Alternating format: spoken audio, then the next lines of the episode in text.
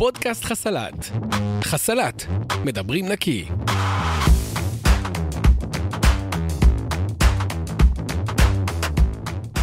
שלום לכם וברוכים הבאים לפודקאסט על ציונות וירקות, אה, רבע שעה על חסה והומור, יהדות וכרובית, כוסברה וערכים.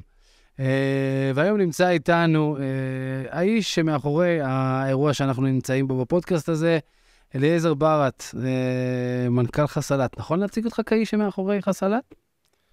חלקית. תסביר. מי שהביא את הרעיון הזה לגוש קטיף, הוא יהודי בשם שמעון ביטון, אנטרמולוג שהיה בזמנו במשרד החקלאות. רגע, רגע, מה זה אנטרמולוג? אנטרמולוג זה אגרונום שמתמחה בחרקים. נו, ברור. יהודי חובש כיפה, שבעצם הגיע בקיץ, לא בקיץ, כבר בחורף תשמ"ט לגוש קטיף, ואמר לחברים שהיו לו בגוש, שהיו מגדלים עגבניות לייצוא, שיש לו רעיון גרנדיוזי לגדל חסה ללא תולעים. צריך לדעת שבאותם שנים לא אכלנו ירקות עלים, בטח לא בצורה שבשגרה. אכלו, אבל אחרי ניקיון וקרצוף והתעסקות ובדיקות. קערות בכיור, נכון? פסח, כן, בודקים מנקוד השמש, לראות. על איזה שנים אתה מדבר רק? כי נכנס לי ישר לאירוע. כן, לפני שנולדת, אני חושב. אבל אה, תש... אה, אני מדבר על אה, תשמ"ו, מ"ז, מ"ח, מ"ט, והרבה לפני כן, אבל הוא הגיע אלינו בתשמ"ט, אני יכול להעיד שאנחנו... אשתי היקרה חנה ואני נשואים מתשמ"ו. וכשהתחתנו, אז כשהיא הייתה מכינה מרק לשבת, וכל שבת מכינה מרק לשבת, אה, לא ראינו פטרוזילי וסלרי במרק. היא הייתה מבשלת בסיר נפרד את הפטרוזילי והסלרי, מעבירה את זה דרך בד, מסננת את הנוזל לסיר אחר, את הפטרוזילי הזה זורקת, כי שם יש תולעים, מוסיפה את כל מה שמוסיפים, לא יודע, גרונותות, תפוח אדמה, גזע, מה שצריך, וככה היה נראה מרק, היה נראה... מרק בחלקים, מרק מפורק. לא, בסוף הוא היה מתאחד, כי פטרוזיליה לא ראינו. ופתאום מגיע יהודי ואומר, אפשר לגדל ירקות ללא תולעים. זה היה באמת יומרני. צריך לדעת שבאותם שנים בגוש קטיף אנשים התפרנסו היטב מגידול עגבניות לייצוא. את ה... אה, היו תחרויות בינלאומיות שהעגבנייה של גוש קטיף זכתה במקום הראשון בארצות הברית, והיה ממש שואו גדול סביב העגבנייה של הגרוש, ואנשים עם מספר דונמים מצומצם התפרנסו בכבוד, ואף אחד לא מוכן היה להעמיד לרשותו דונם חממה בשביל ניסיונות, כי מה, לא לוקחים mm. סיכונים. עשית כסף. אז אמרו לו, בקיץ תבוא במלך חממות ריקות, נעשה... נשחק. נעשה אלים.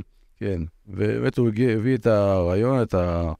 בגדול הרעיון הוא לקחת מבנה, לסגור אותו היטב עם רשת 50 מש, ולגדל גידול שבעצם שגדל בחוץ. 50 יש, רק נזכיר, זה הצפיפות חורים בעצם, נכון? צפיפות החורים של לאינץ' ברשת, כך שרוב רובם של החרקים בכלל לא יכולים להיכנס לחממה. וכמובן סניטציה, לראות שהכול נקי ומבריק, שאין עשבייה לא בפנים ולא בחוץ, ומלכודות לכידה, וכל מיני שיטות אגרוטכניות מפותחות. בשביל למנוע את הכניסה של החרקים למבנה. כמובן דלת כפולה, שכשאדם נכנס למבנה הוא לא פותח, ואז... כן, נכנסים... כל פעם נכנסים כל החרקים.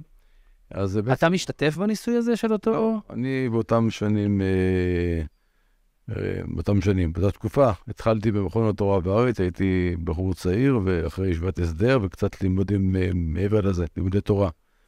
אה, בגוש, והם מגיעים אליי למכון התורה בארץ לראות איך אה, אפשר לעזור להם להרים את הפרויקט. ובאמת לא פחות מאשר הרעיון האגרוטכני, יש כאן גם איזשהו תקדים הלכתי מאוד מורכב. אני אנסה להגיד במשפטים צפופים וספורים, כי זה קצת מורכב הלכתית. כן. אה, אף אחד מאיתנו בעולם ההלכה לא אוכל מוצר שנבדק מדגמית. את, אם צריך לבדוק את, אה, את הריאות ובהמות ששוחטים אותם, אז לא בודקים מדגם של אחד ממאה. כל בהמה צריכה להיבדק שהיא כשרה וכן הלאה. בכל נושא הלכתי אנחנו בודקים כל מוצר. ולהביא את המוצרים שלנו, שהם מוצרים שמוגדרים בהלכה כמוחזקים בנגיעות. ניתן דוגמה ממקום אחר. כל אחד מאיתנו, זה, אני מניח שהרבה מהמאזינים כאן אה, שומרי מצוות, וגם אחרים מודעים לזה. בתמר, כל אחד פותח את התמר, בודק אותה, מסתכל, לראות שנקי ושאין חרקים, כי התמר מוחזקת בנגיעות החרקים. מועדת לפורענות, אם אני יכול להגיד את זה בשפה אפשר להגיד ככה, תפוח עץ, פחות אני לא מכיר מישהו שבודק כל תפוח עץ שהוא אוכל. כולם מכירים את הבדיחה הידועה, מה יותר גרוע מאשר למצוא תולעת בתפוח, ובכל זאת כולם יודעים שאם ניקח אלף תפוחים, אולי עשרת אלפים תפוחים, נבדוק, נחלק אותם לפרוסות ונבדוק, נמצא תולעת, אבל ההלכה לא דרשה מאיתנו לבדוק את התפוח, כי הוא לא מוחזק בנקיות. התמר כן מוחזק. כל המוצרים שלנו, חסה, פטרוזיליה, כוסברה, שמיר, נענה, בצל ירוק, כרוב, כרובית, ברוקולי, כל המוצרים של חסלת, הם כולם מוחזקים בנגיעות. וכשרצינו לקבל את האישור ההלכתי, לכאורה צריך היה לבדוק כל ראש חסה, כל שקית פטרוזיליה, וזה לא מעשי. ואנחנו בעצם בנינו איזושהי אה, תזה הלכתית, שנבנה, נגדל במבנה סגור, עם בקרה של אה, אגרונומים ופקחי חרקים, ונטפל טיפולים כאלה ואחרים, ונביא מוצר שהוא נקי. ועל זה הלכנו עם כל, כל גדולי הדור שהיו אז לפני 30 וכמה שנים, מרב אלישיב ורב שלמה זנמן ורב עובדיה, כולם זצ"ל, ורב שפירא ורב אליהו ועוד רבים וטובים, והם עם הרבנים של מכון תורה בארץ, שנתנו את הקונספט הזה, ועל בסיס ההיתר שלהם נכנסנו לתהליך הזה, ואנחנו באמת עד היום מאוד מקפידים לשמר את אותה, אותו ו... פרוטוקול ואותם הנחיות שעליהם סיכמנו עם הרבנים לפני 30 שנה. ואז אני מניח, הניסוי הזה מצליח, הוא בא, בודק את זה באיזה קיץ ששחררו לו דונם של עגבניות למשחקים, לניסויים, הניסוי הזה מצליח, ואז מה אתה אומר? בוא נקים מפעל? לא, לא כל כך מהר. בהתחלה מתחילים לגדל כמות יותר מסחרית של חסה, ואז uh, מעמיסים uh, טרנספורטר, זה מסחרי של uh, שנתיים שנים. לדעתי, אולי מ-80 קרטון חסה, נגיד אה, אה, 600 ראש, ונוסעים לשוק בתל אביב, אני זוכר את זה כמו אתמול. אה, שוק סיטונאי בתל אביב, שזה המקום, באותם שנים, כל, השו, כל השיווק של פירות וירקות עובר דרך השווקים המאורגנים. אסור לשווק ישירות לחנויות, מבחינת הרגולציה והחוקים המפאיניקים של, של פעם. ומניחים את החסה על הבסטה בשוק, ואחרי ש... היה בום תקשורתי, כי כשהתחלנו, כשהעסק התחיל והצליח להביא מוצר נקי, אה, כל הרבנים מירושלים באו, והיה, כולם אמרו שהחיינו, ופתאום יש כרובית, יש חסה. בטח חיפשו אתכם מאוד, לא? לקחו, בדקו את העלים, לראות שאתם לא... לא עובד. שוב, היה כותרת בעמוד האחורי של מעריב, ואז היה מעריב, זה היה ערוץ התקשורת המוביל במדינה, כתבו שחקלאי גוש קטיף המציאו חסה חדשה. כמובן, כמו רוב הדברים בתקשורת, אתם אנשי תקשורת, לא נכונים. קצת פייק ניוז, אבל בסדר, לא נורא. אה, זה היה לא חסה חדשה, זו אותה חסה שגדלה בשטח פתוח, רק היא גדלה לפי אה, פרוטוקול גידול אחר. כמו בקמפיין שלכם, חסה ללא תוספת מן החי. ממש ככה. ובאמת שמנו את החסה על הבסטה, וחשבנו שכולם יקפצו, ושום דבר עוברים. ביקשנו מחיר שהוא 50% יותר גבוה מחסה רגילה, שהיום זה מצחיק להגיד את זה, זה לא מתחיל בכלל. ואחרי שעה הגיע המשגיח של השוק וקנה קרטון אחד של חסה. אמרתי לחבר'ה, בוא נעמיס את הרכב עם כל התוצרת, ונסענו לבני ברק ולפתח תקווה, והורדנו תוצרת על המדפים, אמרנו, תמכרו, אם לא תמכרו, נבוא לסוף שבוע לקחת. אחרי שהציבור נחשף למוצר, וציבור כן היה מודע לצורך במוצר הזה, אגב, הוא היה ערוד בשקית, אה, סליחה, כמו שקית שקופה, כמו של... אה, סופר. כן, כזה הכי פשוטה שיש, עם פתק בפנים שכתוב שהרב קמנצקי מאשר שזה נקי, הרב קמנצקי הוא וואו. היה רבו של גוש קטיף, אה, עדיין בקשר איתנו. הרבה תמימות יש בסיפור הזה של ההתחלה. כן, אבל זה ככה תפס, וראינו שאנחנו באמת, אה, בשביל להגיע לציבור, צריכים לדלג על השווקים הסיטונאיים. כמו יהודים מצאנו, יהודים, אה, יהודים מסתדר גם עם רגולציות, ומצאנו סיטונאי בשוק שהיה מוכן שנשלם לו את העמלה מה שמגיע לו בשביל זה שהוא סיטונאי, ויאפשר לנו למכור ישורות לחנויות, וכך התחלנו בעצם את השיווק הישיר של ירקות בארץ לחנויות. ועסק התחיל לתפוס אה, תאוצה, ובסוף תשמ"ט התחלנו, הקמנו בית אריזה בכפר דרום, חדרי קירור, הכל מאוד מינורי, קטן, בלי שום פרופורציה למה שקורה היום, ומכאן העסק אה, תפס אה, תאוצה והשתרש בציבור. עכשיו, יש פה שני סיפורים בעצם, יש פה את הסיפור של חסלת שהולכת וגדלה, ויש פה את הסיפור של גוש קטיף. נכון, איך אתה מגיע לגוש קטיף? אה, זאת אומרת, אני... אני באופן אישי בן כפר מימון, בן מושב כפר מימון בנגב, מאוד קרוב לגוש קטיף. בטח כולם זוכרים תקופת הגירוש והעקירה בכפר מימון הייתה הפגנה גדולה והניסיון לעצור את הפשע הזה. אה, בתור בן מושב רציתי להמשיך בחקלאות, והקמנו גרעין להתיישבות, שהמטרה שלו הייתה להקים יישוב חקלאי בגוש קטיף. אתה, היה פוטנציאל גדול מאוד של חקלאות בגוש קטיף. למה? אגב, זו אדמה טובה, זו אדמה אחרת, זה מה זה? זה, כל זקני גוש קטיף יספרו לך שכשהם הגיעו בחול, החול הוא חול אנרטי, ואין לו, בו כלום. והיה גם מעט מאוד משקעים. והרבים הזקנים באזור אמרו לה... לא יצמח פה כלום. גידל לנו שערות על הידיים לפני שגידל כאן משהו, אבל אה, כשעם ישראל בא, הארץ אה, מאירה את פניה, ובאמת אה, היו תוצאות חקלאיות מדהימות בכל תחום שנגעו בו. אגב, כשגורשנו בתשס"ה, קיץ תשס"ה, קיץ תשס"ה, אה, בגוש קטיף היו אלפי דולמים של חממות עם גידולים, גידולים שלמים שהיינו המובילים בתחום, בייצוא, כמו עגבניות ופרחים וצמחי בית אשר מקום מקומי, וכמובן ענף חסלת ואוטולאים שהתפתח בצורה מדהימה, ועוד ענפים, ענפים חקלאיים, אה, גרניום ועוד ועוד ועוד. היום. והייתה באמת ברכה גדולה מאוד, הקדוש ברוך הוא האיר פנים למתיישבים, וזה מה שגם משך אותנו למקום שאזור שהוא אזור גם אה, דתי, עם אה, ישיבות ועם מערכת תור, תורנית, וזאת הייתה השאיפה שלנו. בסוף הקדוש ברוך הוא גלגל אותי קצת למסלולים אה, ליד. ליד.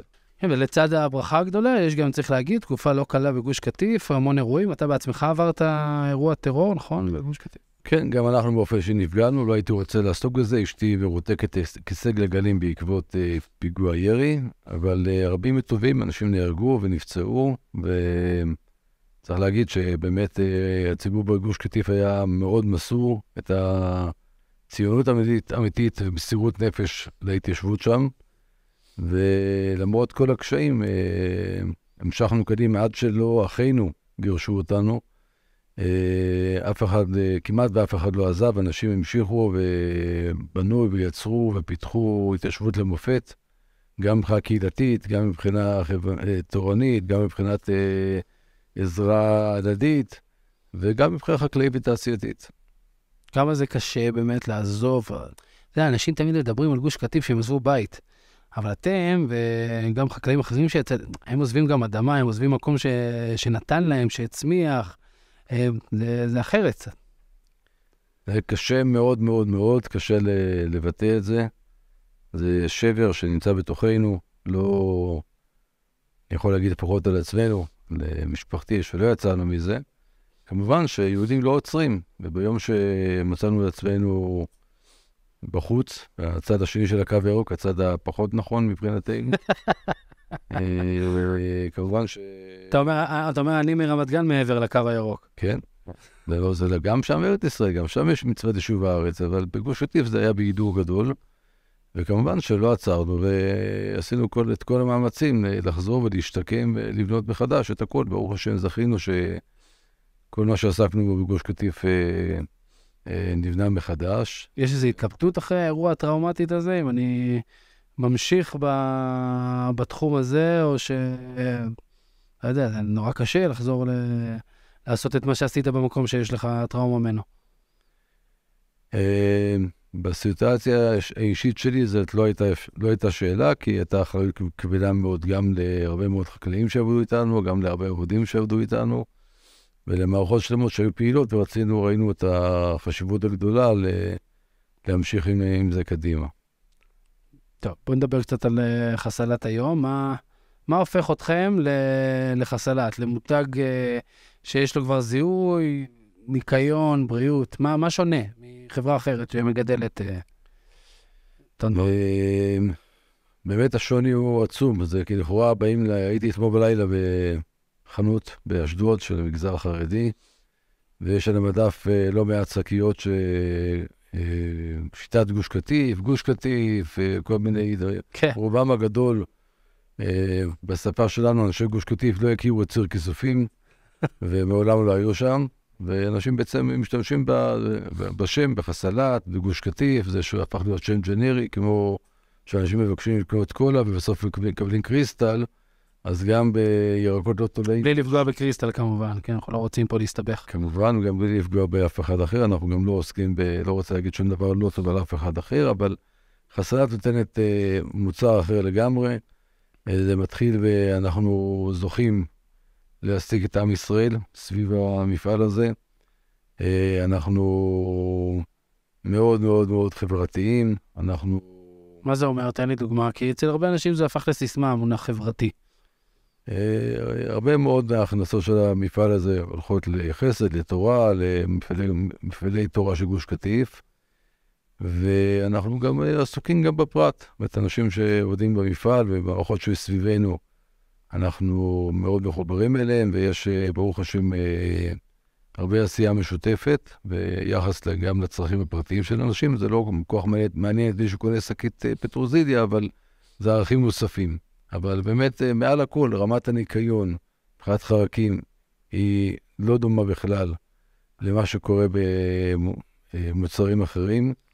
אה, אנחנו מאוד מאוד מאוד קפדנים, יש לנו את, כמעט את כל אה, גורמי הכשרות שמאשרים אותנו כנקיים וחרקים.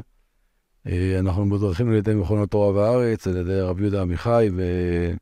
אה, כמובן אה, הרבנים הגדולים של הציבור שלנו, הרב יעקב אריאל, הרב דב ליאור ורבנים אחרים, ואנחנו ממש לא משחקים עם, ה, עם, ה, עם ההנחיות והדרישות. אתה, אתה מדבר כל הזמן על ההיבט התורני, מעניין אותי, חילונים, נקרא, גם אה, מחפשים לך סלט? כן, אנחנו מוכרים כ-55% ב...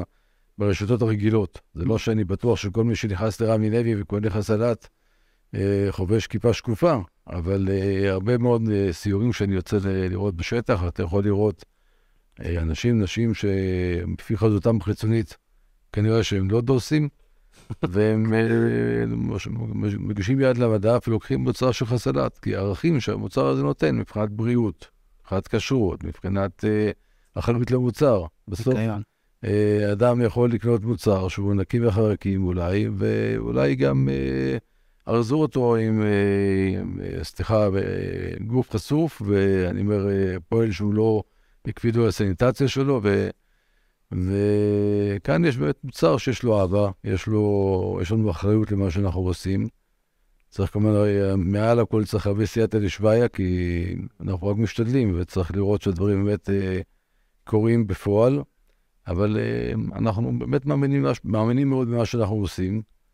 אנחנו יודעים לנשוך שפתיים, וזה דבר שחקלאי רגיל קשה לו מאוד לעשות אותו. באיזה סיטואציה, באיזה סיטואציה אתה נושא?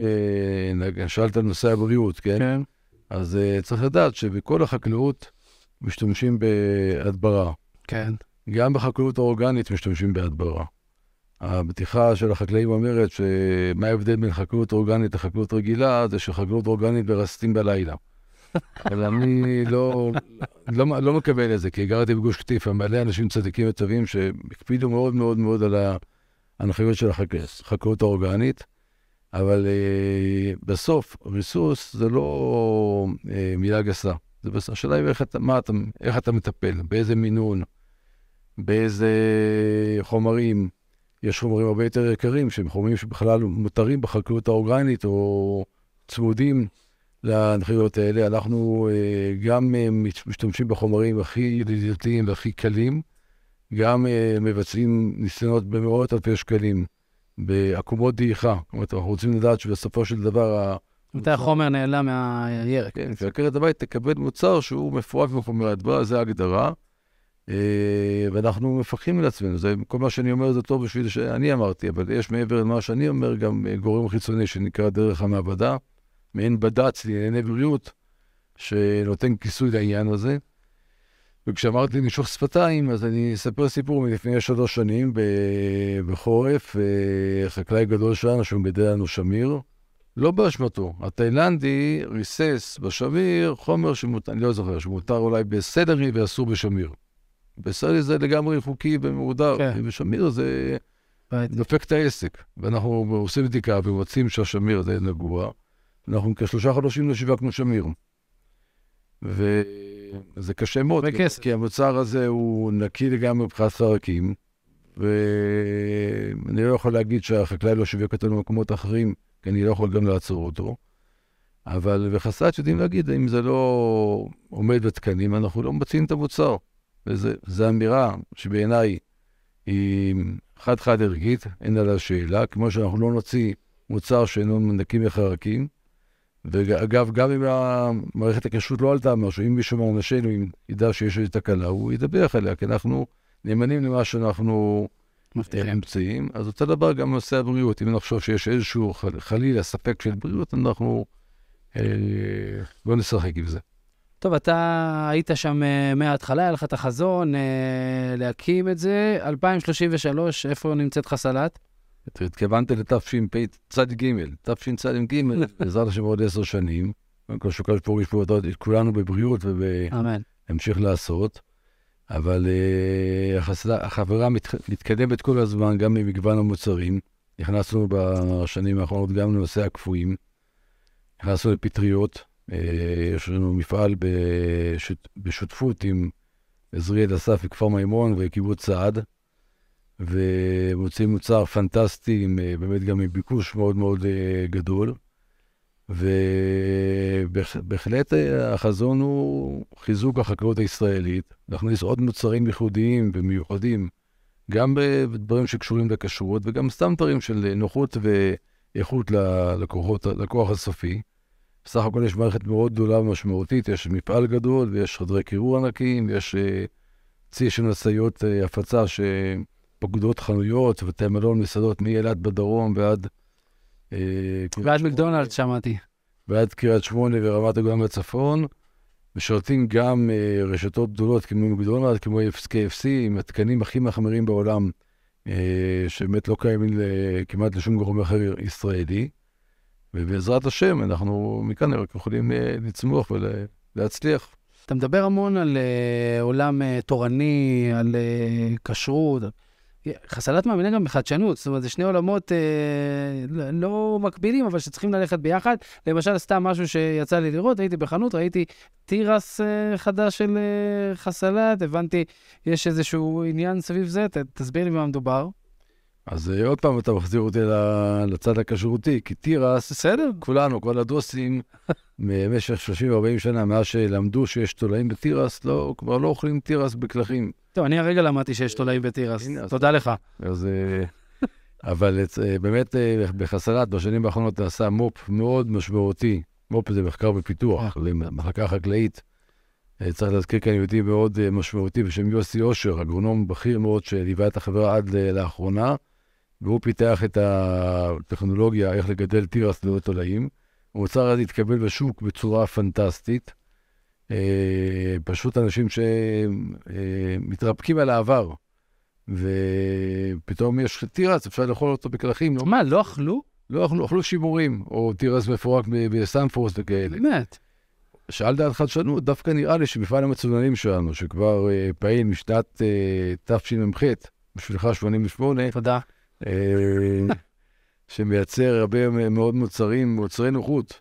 סלטים קצוצים בלקטים אה, וכל מיני פתרונות אה, קולינריים, שבעצם היום יש מטבחים שלמים שלא מסתדרים בלי זה, כי הוא מקבל בצל טבעות למטבח של המלון, ועקרת בית שהוא יכול לפתוח שקית עם לקט ים תיכוני, לשים קצת טיבול, והכל מוכן, נגיש, פנטסטי. וזה באמת היתרון גדול שלנו, וגם זה גם חלק מהחוזקות של החברה מבחינה כלכלית, אם מותר לי להגיד במקום שלי, שאנחנו ברוך השם זכינו שאנחנו לא עוסקים לא בפאסט פוד ולא ברעל ולא בדברים שגורמים לבעיות בבריאות, אלא להפך, כל המוצרים שלנו, מוצרי בריאות ונוחות. ובעזרת השם נשתדל ונצליח. אליעזר ברת, האיש שמאחורי חסלת, המון תודה לך.